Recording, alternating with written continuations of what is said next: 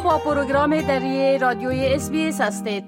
مردم معمولا خوش ندارند که به جراحات و خراش های جزئی رسیدگی کنند یا در فکر تداوی آن شوند.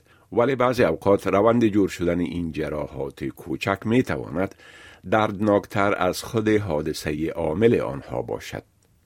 واقعیت این است که حوادث کوچک در زندگی اتفاق می افتد.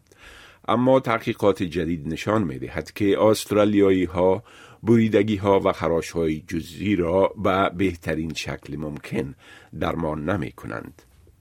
محققین با نگرانی دریافتند که از هر سه استرالیایی یک نفرشان اعتراف می کنند که علا رغم این که گزینه های زیادی در دسترس است به همه بریدگی ها و زخم ها و خراش ها یکسان رسیدگی می کنند.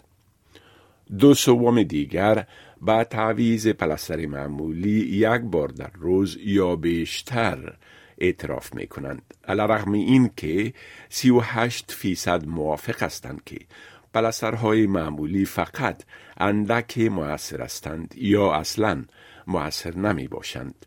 تحقیقات جدیدی که به سفارش نهاد آب سایت پست آب تولید کننده عمده پانسمان ضد آب استرالیا انجام شده نشان می دهد که سه چهارم استرالیایی ها همچنان معتقد هستند که خشک شدن زخم بهترین را برای التیام آن می باشد. این در حال است که تداوی نکردن زخم می تواند منجر به افزایش خطر عفونت شود. کارن کارتر دواساز متخصص زخم ها می گوید که این تحقیقات نشان می دهد که استرالیایی ها با زخم ها به شیوه که لازم است رسیدگی نمی کنند. The new research shows that us Aussies are actually not treating our minor cuts and grazes in the best way possible. One in three people actually admit to treating all cuts and grazes the same way, which is probably something that they've done for years and years. We actually have lots of options now, and nearly four in 10 Aussies agree regular plasters aren't the most effective option. It's a great idea to see your local pharmacist and get a little bit more information in regard to the best way to treat a minor cut or graze.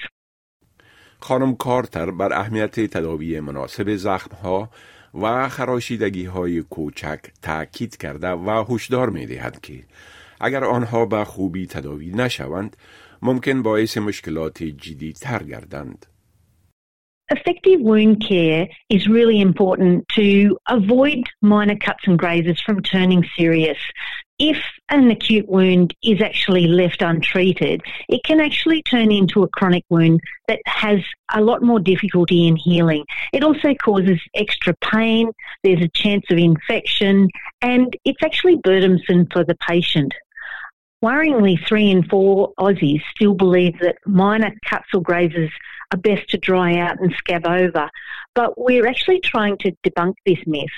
The scabs can actually lead to longer healing times. خانم کارتر تداوی کردن درست زخم و خراشیدگی را توضیح کرده و می‌گوید که زخم را اول به خوبی پاک کنید و بعد لوازم بستبندی مناسب را انتخاب کنید که ضد آب و ضد عفونت باشد. It's important when you first get the wound to clean it, but then to choose the correct dressing. A lot of people think that daily dressing changes or twice daily dressing changes are the most appropriate, but we actually have better wound dressings now that are waterproof, bacteria proof, and breathable, and they last up to seven days. So it's important to choose the correct dressing for the wound that you have. خانم کارتر به والدین توصیه می کند که به خصوص در رخصتی جاری مکتب که اطفال مصروف فعالیت های تفریحی و ورزشی می شوند و در نتیجه احتمال زخمی شدنشان افزایش می یابد باید در مورد تداوی و التیام زخم ها از احتیاط کار بگیرند و در این مورد با دکتران و متخصصین موجود در دواخانه ها مشورت کنند. The school holidays are fast approaching, and I encourage parents and carers to take out the worry of treating life's little accidents like minor cuts and grazes with effective wound healing by seeking the advice of your local pharmacist and pharmacy assistant. Just like every person is different, every wound is different, and we actually need to assess the wound and then treat it appropriately.